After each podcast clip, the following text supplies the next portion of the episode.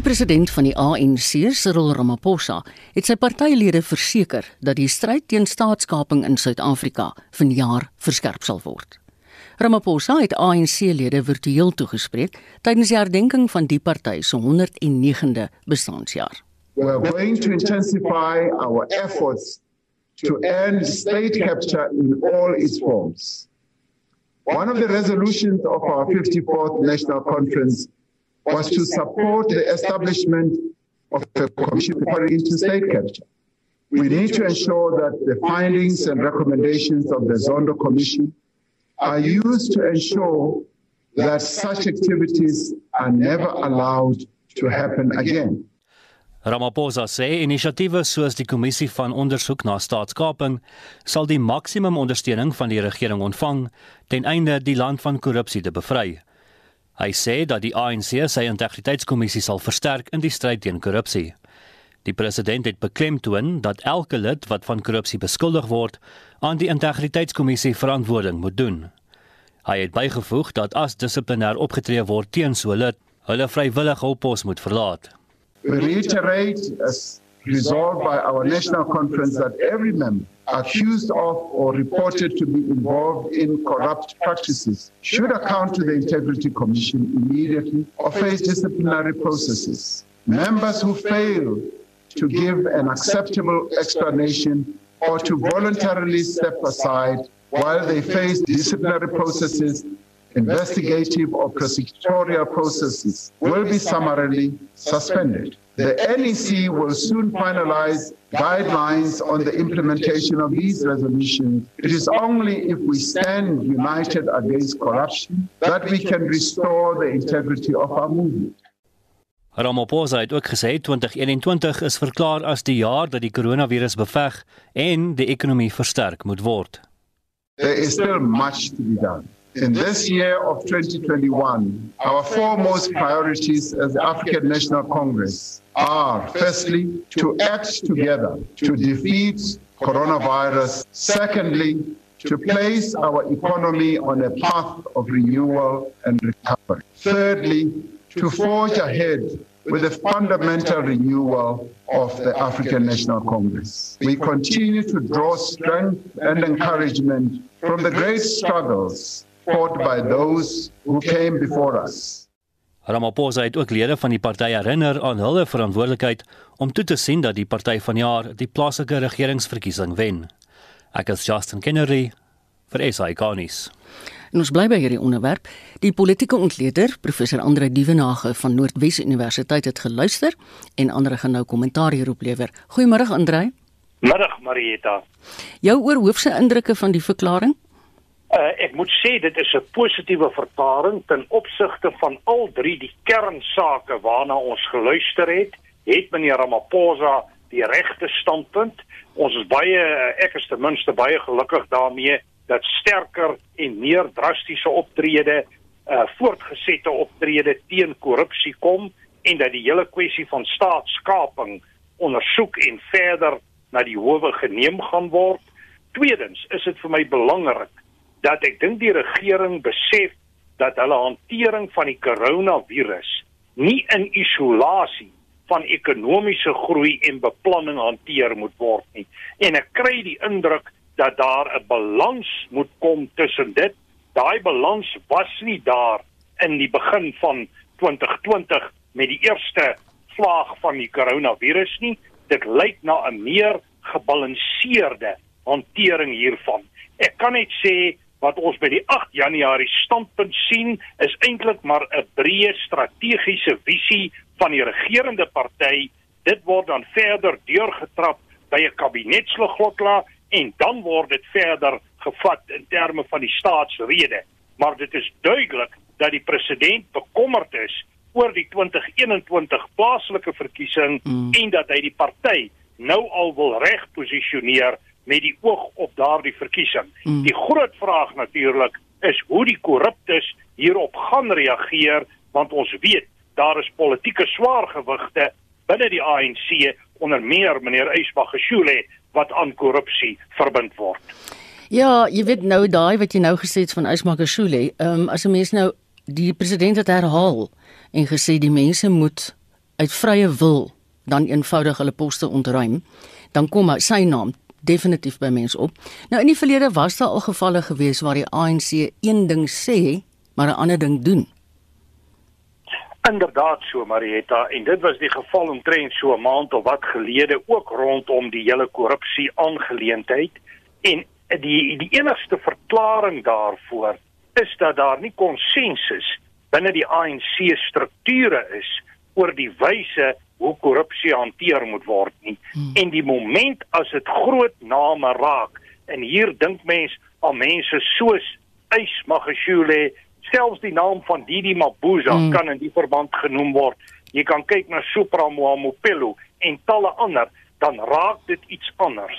Ja, in die politiek is mag 'n baie baie sleutelfaktor. Ons moet net nie vergeet nie dat daar ook klagtes teen meneer Ramaphosa is onder meer die manipulering van die 2017 vir 'n uh, nasionale konferensie en hierdie mes is 'n tweesnydende swaard wat kan terugsny op meneer Ramaphosa en ook sy kamp.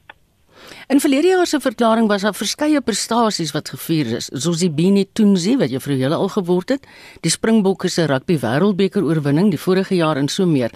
Wat was daar sedertdien te vier? Wel uh, Marietta, ek dink 2020 sal waarskynlik deurgaan as een van die moeiliker jare in die Suid-Afrikaanse uh, politieke omgewing. Ek dink wat ons wel kan vier en op positief kan wees is die wyse hoe ons tegnologie kon gebruik en aanwend om baie krisissituasies te verander. En die implikasies hiervan is verrykend op die werksomgewing en op die lewens van individue en ek dink op 'n manier het dit ons baie vinnig blootgestel aan gevorderde tegnologie en tegnologiese werkswyse. Mm. En ek dink dit is 'n belangrike positiewe uitkoms van 2020. Daar's allerlei geluide wat gemaak word van groepe wat na die hof wil gaan in verband met die verspreiding van die enstof van COVID. Wat is jou reaksie oor hoe hy COVID bespreek het in die toespraak? Wel, ek dink hy het dit uh, baie breed, baie vaag hanteer. Hy het dit nie in detail gehanteer nie. Ek dink daar is ernstige uitdagings rondom die COVID proses. Wat duidelik is is dat hierdie fase 2 van COVID mm. baie ernstiger is waarskynlik as enige tyd van tevore oor die laaste jaar of meer. En 'n mens moet sê in daai opsig het ek respek vir meneer Ramaphosa dat hy nie hals oor kop besluit het om almal in te perk tot 'n vlak 4 of tot 'n vlak 5 nie, maar laat daar wel 'n balans is en dit lyk vir my op hierdie stadium of die hele kwessie van die bestuur van brandpunte eerder die fokus gaan wees. Mm. In ander woorde 'n gefokusde tipe benadering en ek dink dit is 'n beter strategiese benadering veral wanneer jy kyk na ekonomiese en finansiële uitdagings. Jy het net nou verwys na die plaaslike verkiesings. Dink jy dit gaan vanjaar plaasvind of gaan ons dalk 'n eerste gesamentlike verkiesing met die nasionale en die provinsiale stemdae vorentoe sien? Wel ons weet reeds vir 'n tyd is daar pogings om te kyk of die verkiesing uitgestel kan word en of ons 'n eendag verkiesing kan hê wat alles hanteer. Ek twyfel baie sterk of ons dit gaan regkry om verskeie redes waarvan logistiek een is, sowel as wysigings aan bepaalde wetgewings en uh, ander struktuurordeninge. So ek dink dis onwaarskynlik dat ons in die nabye toekoms 'n uh, een verkiesing gaan kry wat uh, sentraal, provinsiaal en plaaslik akkommodeer. Mm. Wat natuurlik wel kan gebeur is dat die COVID virus so ernstig word dat mense gedwing gaan word om of nie te stem nie of op ander maniere elektronies sal moet stem wat weer 'n stel ander uitdagings bring. Maar ek dink op hierdie stadium ons gaan wel 'n verkiesing hou. Ek dink die verkiesing is baie belangrik en ek dink 'n mens moet ook aanvaar dat ons staan werklik in 'n krisis met betrekking tot plaaslike regering waar 80 tot 90% van plaaslike regerings in krisis is en ons benodig nuwe leierskap, ja. ons benodig nuwe dinamika op daai vlak. In daai sin is dit baie belangrik. Ja, en jy weet die ironie van die saak is dit is regtig die heel armste mense. Gaan dit regverdig wees oor hulle om die verkiesing uit te stel? Hulle het so min infrastruktuur, lopende water, sulke dinge, sulke basiese lewensmiddels. Maar dit is eers 'n algemene opmerking. Uh, ek dink 'n mens moet aanvaar dat 'n demokratiese verkiesing nie noodwendig 'n towerformule gaan wees om alles vinnig reg te maak nie.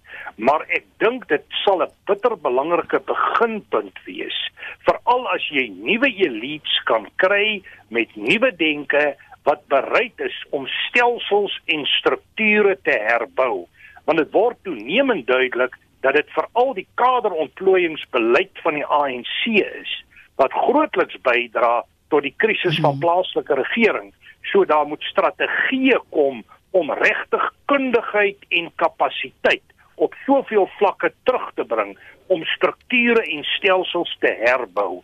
En ek sien 'n uh, uh, verkiesing later die jaar as die beginpunt van so omdraai. In daai sin is dit belangrik en soos jy te reg opmerk, dis die armstes van die armes wat eintlik die swaarste kry. Mm. Uh, dis interessant dat sommige akademici en politici begin al te praat van wat hulle noem die parallel state, wat eintlik sê die een staat is die formele een wat ons nou almal ken en waarvan ons nou praat, maar ander mense funksioneer in 'n ander staat waar hulle self vir hulle eie dienste mm. En hulle self ondersteun en dit sluit die arme mense uit. In daai sin is dit so belangrik dat die formele staatsstrukture reg moet kom ja. dat behoorlike dienste gelewer kan word en dat ons van Suid-Afrika 'n suksesvolle staat kan maak. Na aanleiding van daai opmerking van jou, ek was verstom toe ek sien dat daar was probleme gewees by Koster en so toe die mense nou aan die waterwerke wil begin werk, is hulle opgehou. Wat sou die woord organisatoriese hernuwing vir die ANC beteken. Dit word vreeslik dikwels gebruik en eintlik hang die donker wolk van verdeeldheid steeds oor die ANC. Maar dit dat die ANC is 'n probleem in sigself en hy's 'n baie groot probleem en om werklik oplossings te kry vir die groter staatkundige, ekonomiese en sosiaal-maatskaplike uitdagings, moet die ANC baie drasties om sy eie term te gebruik getransformeer of verander word. En dit raak 'n klomp vlakke. Dit raak beleidsrigtinge, want die ANC werk grootliks met uitgediende beleidsrigtinge. Hulle het kaders ontplooi wat nie kapasiteit het nie, maar afhanklik is van die stelsels en posisies. En dit moet alles verander.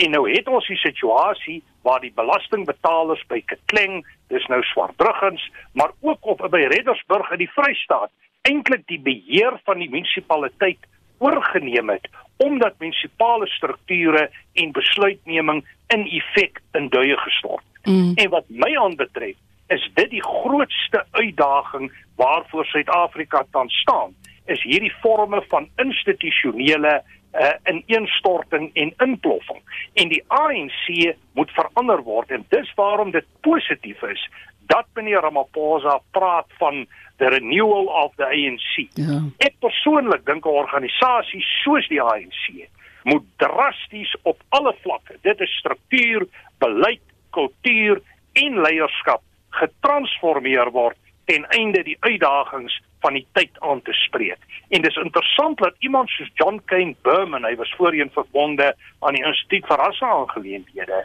onlangs krediet gegee het aan leiers soos John Foster, PW Botha en EW de Klerk wat gesê het toe hulle die krisis van afsonderlike ontwikkeling en apartheid gesien het, het hulle begin om die stelsel te hervorm. Maar tans is daar bitter min aanduidings dat die ANC in sy diepste wese wil hervorm. Daar is wel pogings van die kant van meneer Ramaphosa om iets daarvan reg te kry, maar dit word begroet met baie sterk weerstand, veral hmm. van die kant van die staatskapers. Baie dankie, dit is professor Andrei Duvenage, Andrei se politieke kommentator verbonde aan die Noordwes Universiteit in Potchefstroom. Diegene wat gehoop het om met Invermectin teen COVID-19 behandel te word, gaan 'n rukkie langer moet wag.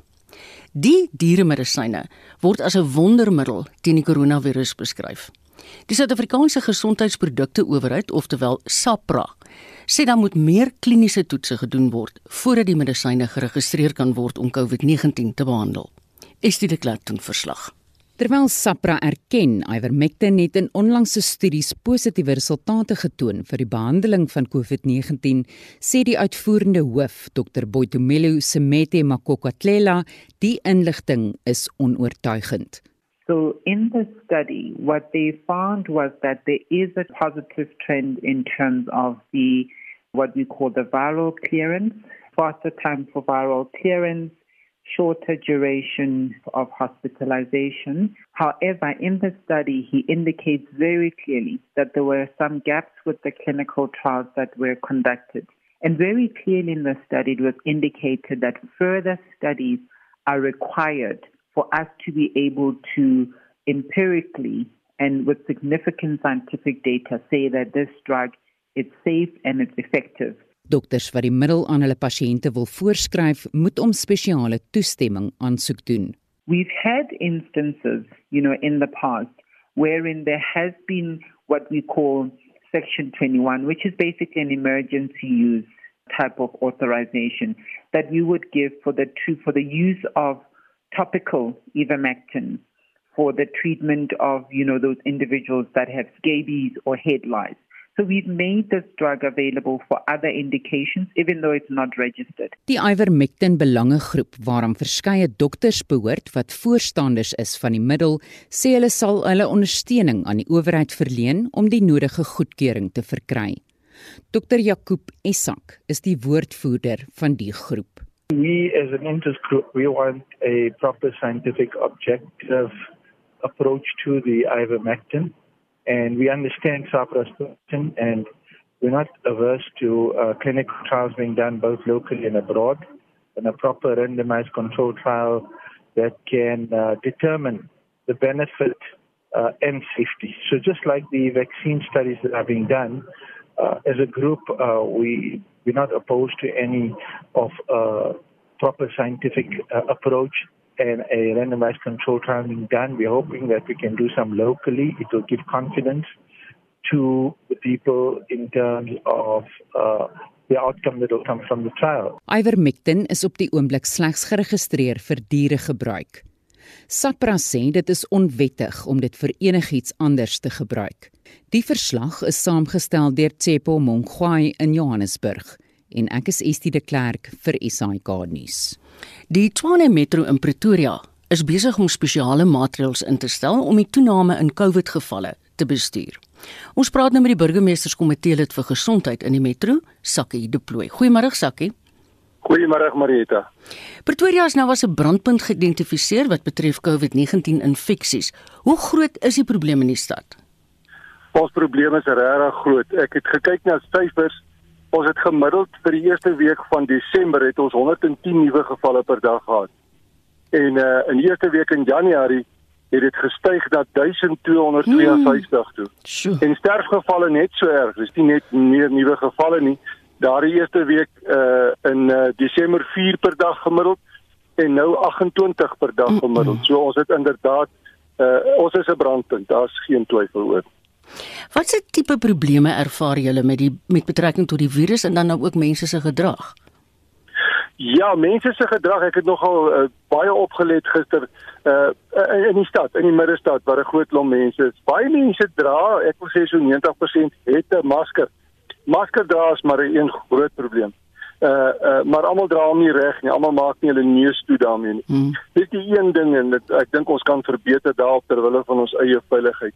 Maar 'n ander probleem wat ek oral raakloop is dat mense ontken. Ek lees dit op WhatsApp groepe.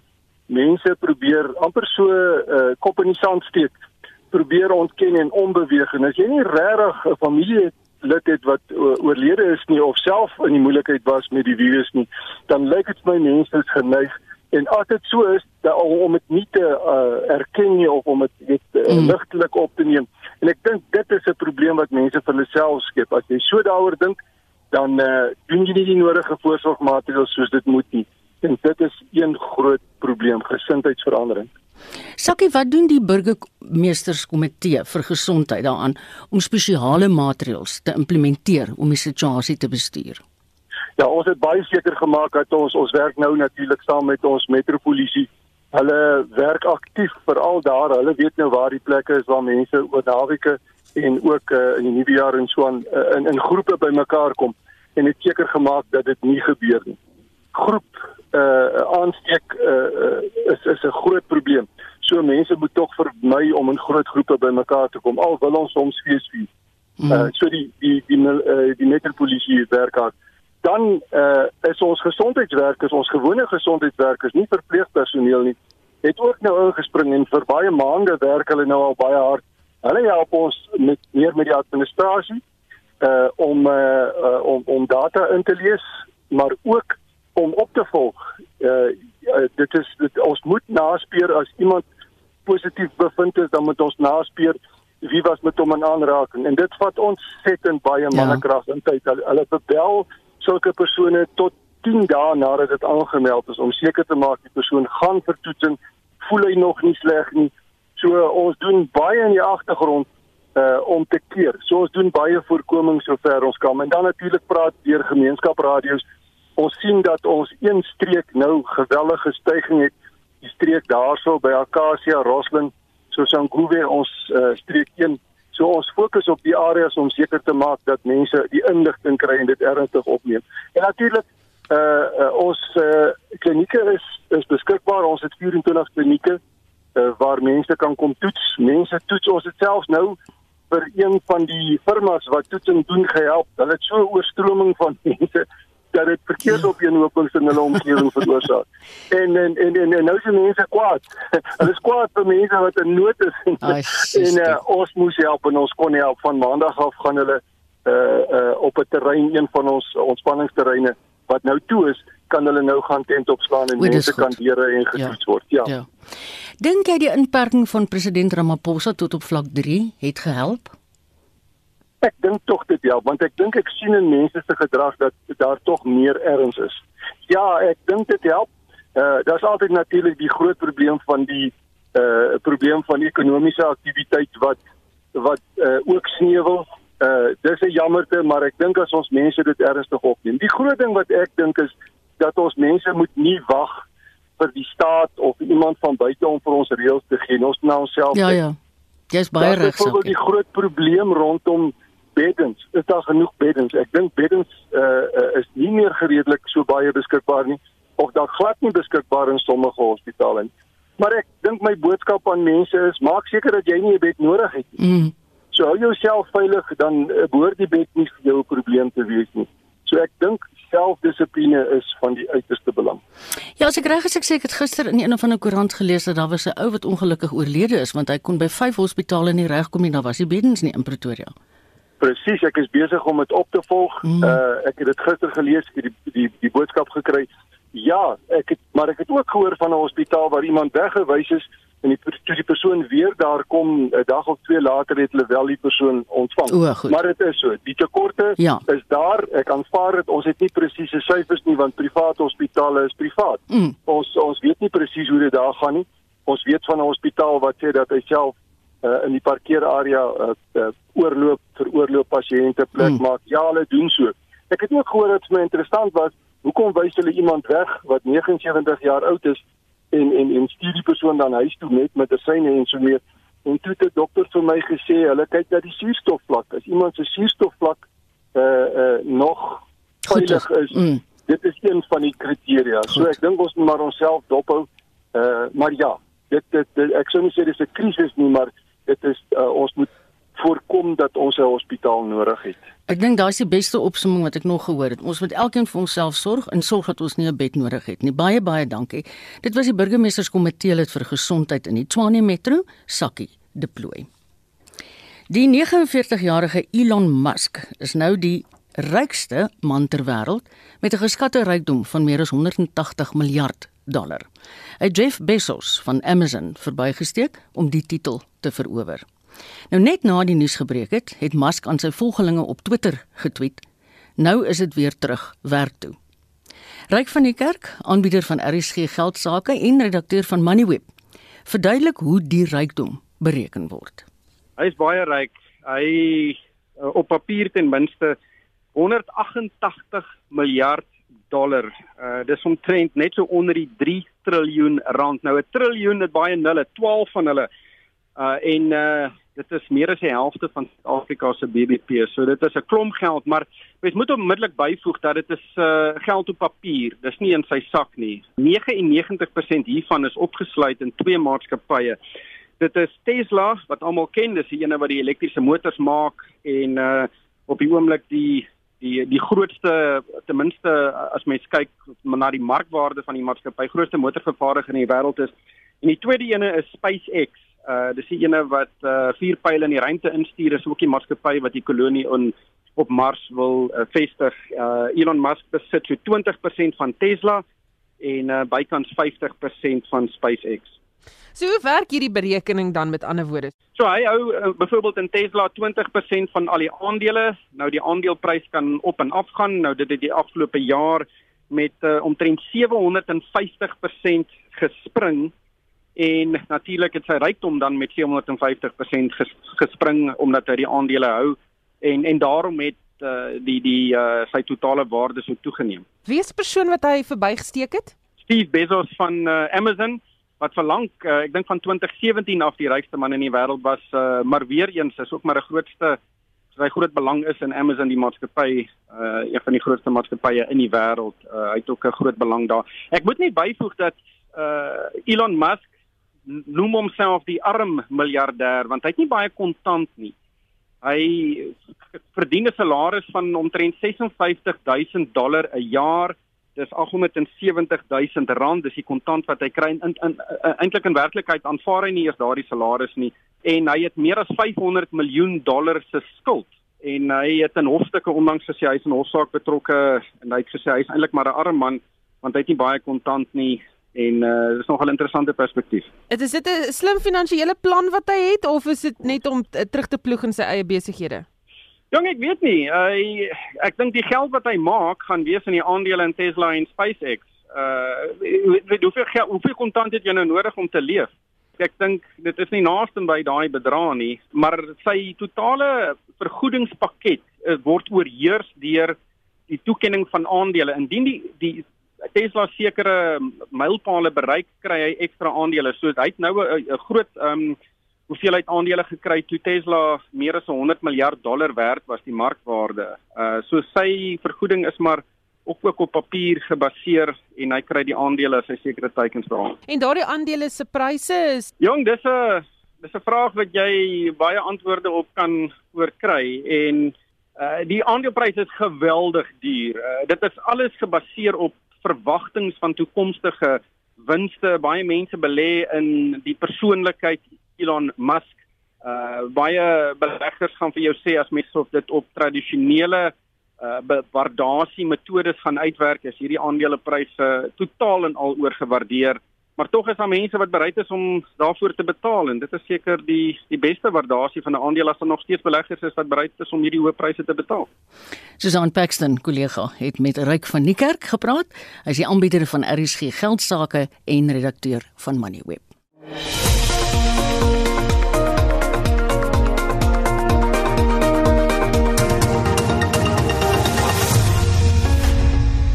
Is ingeskakel op Naweek Aktueel, dis 26 minute voor 1. In ons weeklikse motorrubriek, toets Wessel Pretoria se 'n Volvo.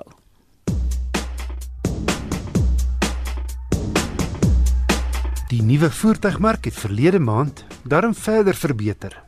Net meer as 37400 eenhede is van die hand gesit, 10,1% swakker as Desember 2019.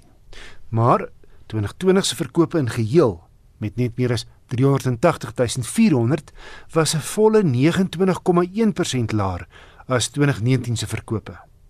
Toyota het weer verlede maand koning gekraai, gevolg deur Volkswagen, Ford, Hyundai en Nissan in die 5de plek. Toyota het verlede jaar 'n mylpaal behaal deur sy hoogste markandeel ooit in die ligte kommersiële segment te behaal, 41,9% danksy sy twee staatmakers, die Hilux en Hiace. Volvo se XC60 pas grootegewys mooi tussen die XC40 en XC90 en ding mee in 'n besige premium sportnet segment teen waans soos die BMW X3, die Land Rover Discovery Sport, die Range Rover Evoque, die Jaguar F-Pace, die Audi Q5 en Mercedes se GLC. En daar eindig die lys nie. Hoewel duidelik deel van Volvo se elegante sportdisfamilie, is die XC60 minder hoekig as sy kleiner en groter boet, meer atleties, sou ek sê. In die agterligte sluit 'n prominente horisontale strook in. Net 5 sitplekke, die XC60. Indien jy 7 verlang, is die groter XC90 reeks teen ander kant 'n miljoen bokke jou opsie. Maar spasie is hier volop in die 4,7 meter lange XC60. En ook in ander opsigte sit die Volvo nie 'n voet verkeerd nie. Die XC60 is rondom 'n uitblinker en is toe op die mark gekom het as 2018 se wêreldmotor van die jaar aangewys. Dis 'n kombinasie van styl binne en buite, topafwerking, gerief, tegnologie en sofistikasie. Ek het die XC60 D5 met die Lexer Inscription afwerking gery. Terloops al die XC60s, daar's twee petrol en twee diesel modelle is in Suid-Afrika net met vierwielaandrywing beskikbaar. Die binneruim is minimalisties, maar terselfdertyd lyks en smaakvol afgerond. Hierdie inscription model gee vir jou heelwat metaalafwerking. Daai tipe met so 'n gewefte struktuur wat die donker gedeeltes in die kajuit netjies konstateer. Volvo se tablettipe sentrale raakskerm is groot en redelik maklik om te gebruik. Die klimaatkontroles is ook alles digitaal en dit beteken jy haal jou oom maar van die pad af om te sien wat aangaan. Anders as in die geval van gewone ouskool skakelaars behalwe besonder gemaklike geperforeerde leersitplekke kom talle veiligheidskenmerke gratis soos outomatiese noodremming in die stad en hulp om jou in jou laan te hou talle ander opsies is ook beskikbaar soos 'n gedeeltelike selfry funksie en masserende voorsitplekke natuurlik teen 'n prys. Ook standaard op die inscription is navigasie 'n agterklap wat met die druk van 'n knop oopmaak en 'n funksie genaamd Volvo on call. Hiermee kan jy vanaf jou huis of kantoor onder meer die voertuig se kajuittemperatuur reguleer en 'n bestemming stuur sodat byvoorbeeld 'n oop parkeerplek geïdentifiseer kan word. Volvo aan kol stuur ook inligting soos hoe ver jy nog op jou tank kan ry na jou foon en in 'n noodgeval druk jy net 'n knop agter die triespieël om hulp te ontbied. Die D5 kom met 'n 2 liter turbo diesel wat 'n gesonde 173 kW en 480 Nm uitskop, gekoppel aan 'n gladde 8-spoed outomaties.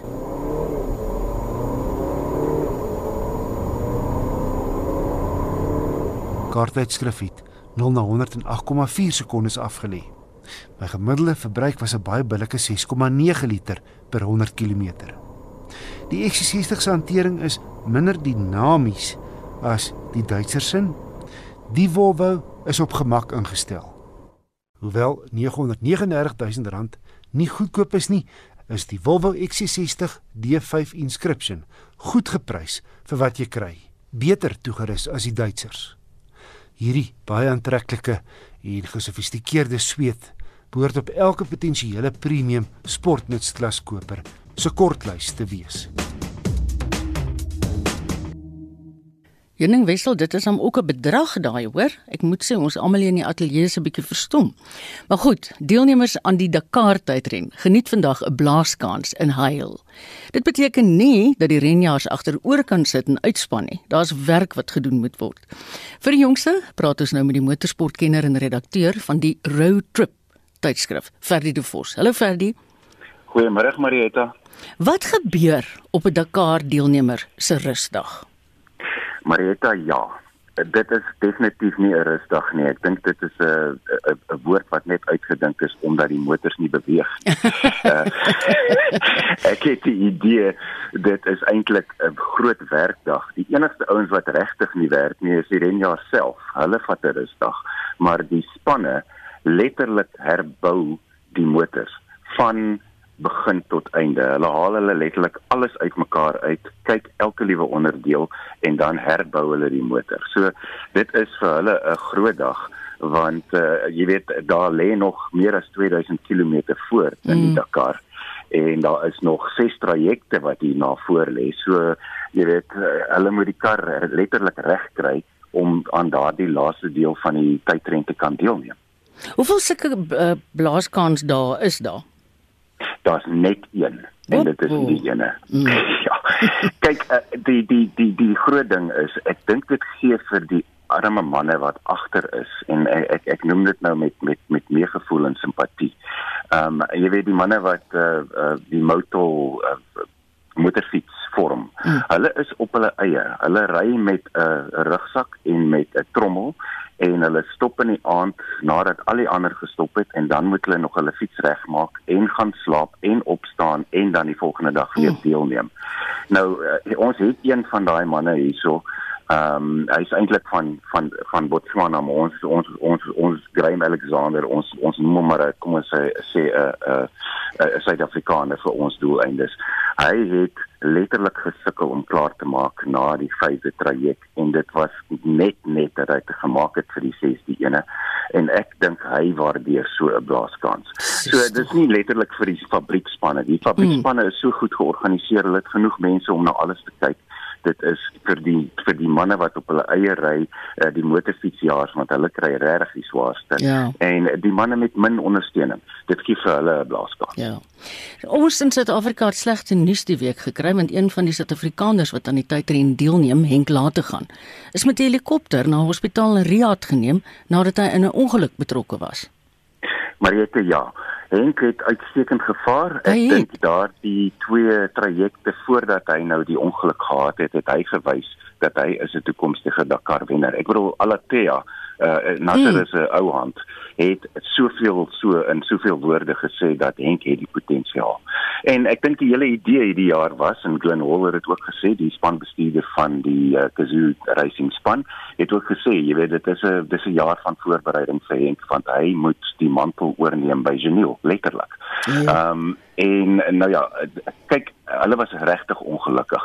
Ehm um, as ek nou kyk na jy weet na die beeldmateriaal en die dinge wat gebeur het ehm um, soos Glenn wou ook gesê het, hy was letterlik 2 meter na die linkerkant gewees. Daar was 'n spoelsloot en hy het die spoelsloot net sleg getref. Ai.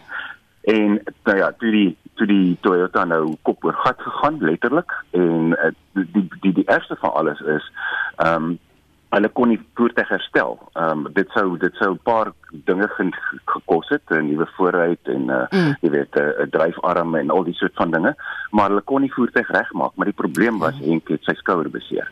En uh, uh, die veiligheid eerste altyd op Dakar en dit is hoekom hulle toe nou weggeneem is en sy sy wedren ongelukkig oor is. Ja, is baie jammer want die Suid-Afrikaners het eintlik relatief goed gevaar. Marietta ons soos die Engelsman sou sê boks baie in 'n baie hoër klas as wat eh, ja. jy weet mense sou dink. Ja. Um, ek ek vat net die motors. Ehm um, die die mees meer dingende motors op die kar in hierdie stadium is die Toyotas en die Centuries. Hulle word almal ja. in Suid-Afrika gebou.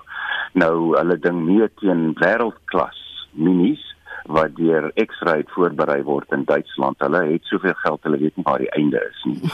Ehm um, So hulle kan van daai Volvo skoop wat van Wissel nou net gepraat het. Maklik, maklik. Hulle kan 'n hele vloot van hulle koop.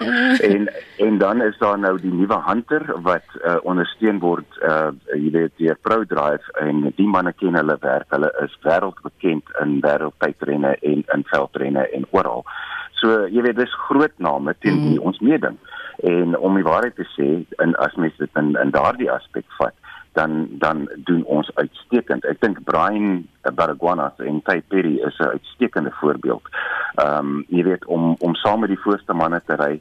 Ehm um, en ek wil net vinnig daar 'n opmerking maak ten opsigte van rolsla. Mm. Ehm um, Brian en Terry het uh, in Ty liewers het gister ook 'n rolslag gehad, maar hulle was gelukkig. Hulle het net letterlik 'n 'n sagte rol soos hulle dit noem ja. in die duine gehad en die voertuig het gelukkig op sy wiele geland en hulle kon voortgaan ja. en hulle het die sesde plek in daardie traject ingeneem. Maar ja, geluk speel 'n baie groot rol in die Dakar.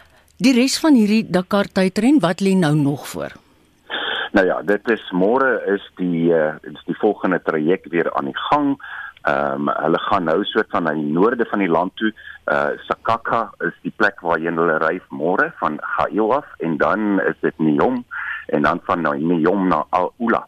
Nou die die trajecte dit was deel van die tydrem verlede jaar. So daar's so klein bietjie meer kom kom ons nou met plaaslike kennis by betrokke maar ek moet ook byvoeg dat moenie dink dat dit is jy weet dat dit minder uh ja uitdagend gaan wees nie ja ja, dit gaan net so uitdagend wees baie klippe en baie mm. dinge wat daar in die pad is. Verdie baie dankie. Ek leer so baie in die middag as jy met hulle praat op Spectrum. Ek waardeer dit. Dit is die motorsportkenner en redakteur van die Road Trip tydskrif, Verdie De Vos. Kom ons kyk van Amerika toe. Demokrate sowel as 'n hele paar Republikeine is steeds van plan om president Donald Trump weer in 'n staat van beskuldiging te plaas. Dit ten spyte daarvan dat ontleeders waarsku dat dit te lank kan neem om so 'n beleidsbesluit uit te voer. Hierdie aankondiging volg op die week se gebeure waar betogers die Amerikaanse Kongresgebou, oftewel Capitol Hill, bestorm en binnengedring het. 5 mense is dood tydens hierdie skermutselings. Anne Marie Jansen van Vier en dit meer. Die afgelope week se gebeure het 'n lang aanloop gehad. Volgens ontleeders het dit verlede jaar begin met Trump se verdagmakery van die verkiesing op verskeie sosiale media platforms. Trump het die afgelope 2 maande volgehou dat daar verkiesingsknoeiery was, ten spyte daarvan dat regters uit liberale en konservatiewe kringe 60 hofuitsprake gelewer het wat beslis het dat daar nie stembedrog was nie. Dog het Trump hierdie beweringe weer Woensdag herhaal en dit was glo die vuurhoutjie wat die kruitvat aangesteek het. We will never give up, we will never concede. It doesn't happen. You don't concede when there's theft involved. And to use a favorite term that all of you people really came up with, we will stop the steal. So we're going to we're going to walk down Pennsylvania Avenue. I love Pennsylvania Avenue. And we're going to the Capitol and we're going to try and give our Republicans, the weak ones, because the strong ones don't need any of our help, we're tr- going to try and give them the kind of pride and boldness that they need to take back our country. So let's walk down Pennsylvania Avenue. I want to thank you all. God bless you and God bless America. Thank you all for being here. Duisende Trump-ondersteuners het daarna die parlementsgebou omsingel terwyl die Kongres besig was om Joe Biden as die volgende president te bekragtig. Dit is die eerste keer sedert 1814 dat 'n groot skare op so 'n manier die parlementsgebou bestorm het. Die betogers het uiteindelik deur die sekuriteit gedring en die gebou binne gestorm. Video's op sosiale media wys hoe betogers polisiebeamptes oorrompel, vandalisme pleeg en vir foto's agter die spreker, Nancy Pelosi, se lesenaar poseer. Een man het trots sy vlag van die Konfederasie rondgeswaai. Dit is ook glo die eerste keer wat hierdie vlag, wat wit oppergesag verteenwoordig, binne die gebou gewapper het. Binnekant het die betogers en die polisie slaags geraak, waarna traangas sowel as skerppunt ammunisie afgevuur is. 'n Vrou is in die gous doodgeskiet toe sy probeer het om by 'n vertrek in te breek waarvan die senaatslede geskuil het. Intussen het senaatslede, joernaliste en ander hoëgeplaastes te vergeefs probeer om hulp te ontbied. So het die goewerneur van Maryland, Larry Hogan, later in 'n media-konferensie vertel. I was in the middle of a video conference when my chief of staff came in to inform me that the US Capitol was under attack. I immediately excused myself and convened an emergency meeting immediately of our entire unified command team. We immediately offered a support to the District of Columbia, which submitted a direct request for law enforcement support through the Emergency Management Assistance Compact. I directed Colonel Jones to immediately mobilize our entire field force of 200 specially trained Maryland State Police troopers to provide security for our nation's capital. Joernaliste het vir Hogan gevra hoekom is hierdie spesiale taakmag nie dadelik ontplooi nie. Right in the middle of that meeting with our security team, I got a phone call from House Majority Leader Steny Hoyer. Leaders of Congress were pleading with me for assistance from Maryland's National Guard and State Police. I informed Speaker Hoyer and the other leaders that a force of specially trained riot police equipped to respond to civil disturbances, along with uh, members of allied local law enforcement agencies, were already on en route to the Capitol. I also told them that I authorized the mobilization of the Maryland National Guard and that I was ready, willing, and able to immediately deploy them to the Capitol. However, we were repeatedly denied approval to do so. Under federal law, the mayor of the District of Columbia does not have authority over the Guard, and we must receive approval from the Secretary of Defense before we're able to send our Maryland National Guard across the border into the federal city, into the District of Columbia. So we had a little back and forth trying to get that authorization. In the meantime, we did not hesitate. We continued to mobilize and get ready so that if and when we finally got that approval, we could immediately move. Die spesiale eenheid is uiteindelik 'n uur en 'n half later ontplooi en die skare is onder beheer gebring. Buiten vir die 35-jarige vrou wat op die toneel dood is, het vier ander, insluitend 'n polisiebeampte, aan hulle wonde beswyk. Een van die oorledendes het glo homself per ongeluk met sy eie skoktoestel beseer en is aan 'n hartaanval dood. 50 polisielede is vir beserings behandel. Trump het later die dag 'n video vrygestel waarin hy die geweld veroordeel. Know your pain. I know you're hurt. We had an election that was stolen from us, but you have to go home now. We have to have peace. We have to have law and order. We have to respect people in law and order. We don't want anybody hurt. So wat 6 ure later in die vroeë oggendure het die senaatslede weer na die kongresgebou teruggekeer en Biden is as president bekragtig. Trump se visiepresident Mike Pence het die kans gebruik om die vorige dag se gebeure ten sterkste te veroordeel. Today was a dark day in the history of the United States Capitol. We condemn the violence that took place here in the strongest possible terms. To those who wreaked havoc in our Capitol today, you did not win. Violence never wins. Freedom wins. And this is still the people's house. Twee prominente Republikeine en lede van Trump se kabinet het sedertdien uit protes bedank. Die Capitol se polisiehoof, Steven Sond, het ook bedank nadat hy onder vel kritiek deurgeloop het weens sy hantering van die dag se gebeure. Intussen is gemoedere steeds op 'n mespunt met Pelosi en ander demokrate wat moontlikhede ondersoek oor hoe hulle regstegnies Trump voor die einde van sy termyn uit die Withuis kan verwyder. Anne Marie Jansen van Vuren vir SAK nuus. Die sosiale netwerkplatform Twitter het intussen president Donald Trump se rekening permanent gesluit nadat sy ondersteuners Capitol Hill aangeval het. Twitter sê hy is bekommerd oor die risiko dat sy tweets verdere geweld kan aanblaas. Trump het toe tweets van ander rekeninge gestuur, insluitende van die amptelike Withuis rekening, maar die boodskappe is deur Twitter verwyder. Gebruikers van WhatsApp kan in die toekoms moontlik verbied word om die toepassing te gebruik as hulle nie Facebook se hersiende reg tot privaatheid reëls aanvaar nie. Facebook het onlangs sy aandele in WhatsApp vergroot en daarmee saam die voorwaardes aan die gebruik van die toepassing. Jan Vermeulen, redakteur van My Broadband, sê dat Facebook gebruikers nie gemaklik is met die nuwe regulasies nie. Facebook het 'n kennisgewing uitgestuur aan WhatsApp gebruikers wat gesê het as jy nie ons nuwe privaatheidsbeleid aanvaar nie, dan gaan jy nie meer die toep kan gebruik van die 8ste Februarie 2021 nie.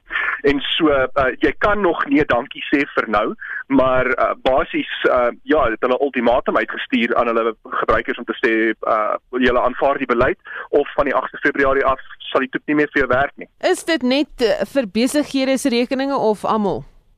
Dit is vir almal se rekeninge, maar WhatsApp of Facebook eerder, um, Facebook besit WhatsApp, het probeer verduidelik dat hierdie net van toepassing is op boodskappe wat 'n mens het met besighede. So persoonlike boodskappe wat 'n mens vir jou vriende of familie stuur, hierdie hierdie beleid verander niks daaraan nie. Dit verander net goed met betrekking tot boodskappe wat 'n mens stuur aan 'n besigheid of 'n besigheid aan jou. Maar ongelukkig vertrou mense eenvoudig nie vir Facebook nie en ek sien daar is baie mense wat sê ja, Facebook kan sê wat hulle wil, maar ek vertrou hulle net nie op hierdie stadium nie. Ja, ek wil net vir jou sê daar's baie teenkanting mense wat sê ons is nie meer bereid om ons inligting te deel met Facebook nie. Ja, en dit kom nou 'n lang pad. Dit het begin met die Cambridge Analytica skandaal. Selfs voor dit, inderdaad, daar's daar's um, elke nou en dan is daar een of ander skandaal met met betrekking tot Facebook se beleid nou voor WhatsApp. Mense was baie skugter toe Facebook vir WhatsApp vir verkoop uh, gekoop het of eerder toe WhatsApp uh, toegelaat het dat Facebook hulle koop vir 'n uh, cool biljoen. En uh, nou, jy weet, met, met die jare wat aangaan, uh, jy weet het dit het dit net al hoe erger geword uh, laat mense sê jy weet hulle hulle is net nie meer bereid om enige private inligting met Facebook te deel nie en nou boonop dit na 2020 die die um film Social Dilemma wat op Netflix vrygestel is is mense net baie baie versigtig met hulle private inligting en dis 'n goeie ding. So ander toepassings wat mense dalk kan gebruik Ja, jong, ehm um, so ek, ek wil net sê dat die die toepassings wat ek nou gaan noem, dit is nie noodwendig dat enige van hulle beter gaan wees as Facebook nie. Dit is nou maar net Facebook is die groot pappa op die blok en uh, almal almal haat nou vir Facebook. So uh, jy weet as hierdie ander maatskappye groot genoeg raak, word hulle dalk die volgende Facebook. Maar nietemin daar is baie ander opsies en dis hoekom Facebook baie versigtig moet wees met wat hulle doen met WhatsApp. Hulle kan baie maklik hulle dominante posisie met WhatsApp verloor.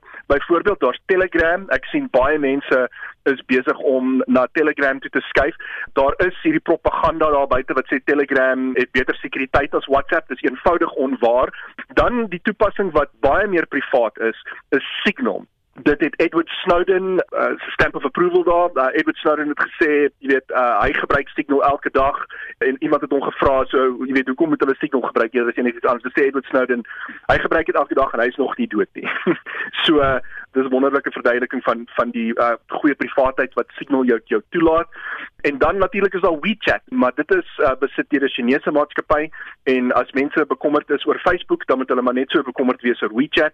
En uh, dan is daar menigte meer, maar hierdie is die drie grootes. 'n Ander ding wat interessant is is byvoorbeeld die 5G torings wat in KwaZulu-Natal verwoes is, dit na aanleiding sure. van uh berigte op uh, sosiale media en mense wat praat oor die invloed van 5G op jou. Julle jou reaksie daarop? Dit was ongelooflik onverantwoordelik van die regeringsbeampte om hierdie snert kwyt te raak uh, op 'n publieke manier en mense aan te moedig om te help om die torings af te sit in KwaZulu-Natal en dis nou wat gebeur. Die ding is hierdie is iets wat totaal voorspelbaar is. Presies dieselfde ding het gebeur in, in Engeland en as jy mense genoeg opsweep veral in hierdie ongelooflike moeilike tyd waarin ons nou leef, dan gaan daar sulke goed gebeur en ek dink dit um dit moet as 'n les gebruik word om te wys dat misinformasie, disinformasie, propaganda is ongelooflik gevaarlik. Jy het nie nodig 'n uh, doomsprofeet wees hier nie, maar ons sien hoe sosiale media meer en meer gebruik word vir 'n vorm van oorlogvoering. Jy het nie nodig om spioene of saboteurs of terroriste in 'n land te infiltreer as jy mense kan opsweep om hulle eie land se infrastruktuur af te brand nie. En ek sê nie Suid-Afrika is aangeval hier deur deur 'n vyand nie. Ek, ek dink ons is net as ek die Engels mag gebruik collateral damage in hierdie hele 5G teorie wat wat oor die internet versprei word. Maar as ons tyd het om daarin te gaan, die feit is dat 5G nie 5G nie meer gevaarlik is as as 4G tegnologie nie. Ehm um, dit gebruik presies dieselfde frekwensies. Dit gaan net op presies dieselfde hoeveelheid krag. Die elektromagnetiese radiasie wat gebruik word is presies dieselfde radiasie as waaroor hierdie radiostasie uitgesaai word. So ons sit nou al van die 1800s af in hierdie elektromagnetiese radiasie van radiosyne. Hierdie is presies dieselfde ding. Mense word opgesweep oor niks. So sê Jan Vermeulen, Jan is die redakteur van My Broadband en hy was in gesprek met kollega Susan Paxton. Nou toe, daaroor jy die kenwysie, so dis die einde van hierdie naweek aktueel op Saterdag 9 Januarie 2021. Namens ons uitvoerende regisseur Hendrik Martin, die redakteur Justin Kennedy, produksieregisseur Daitrin Godfrey en myself Marita, geniet nie net die middag nie, maar die hele naweek saam met RSG.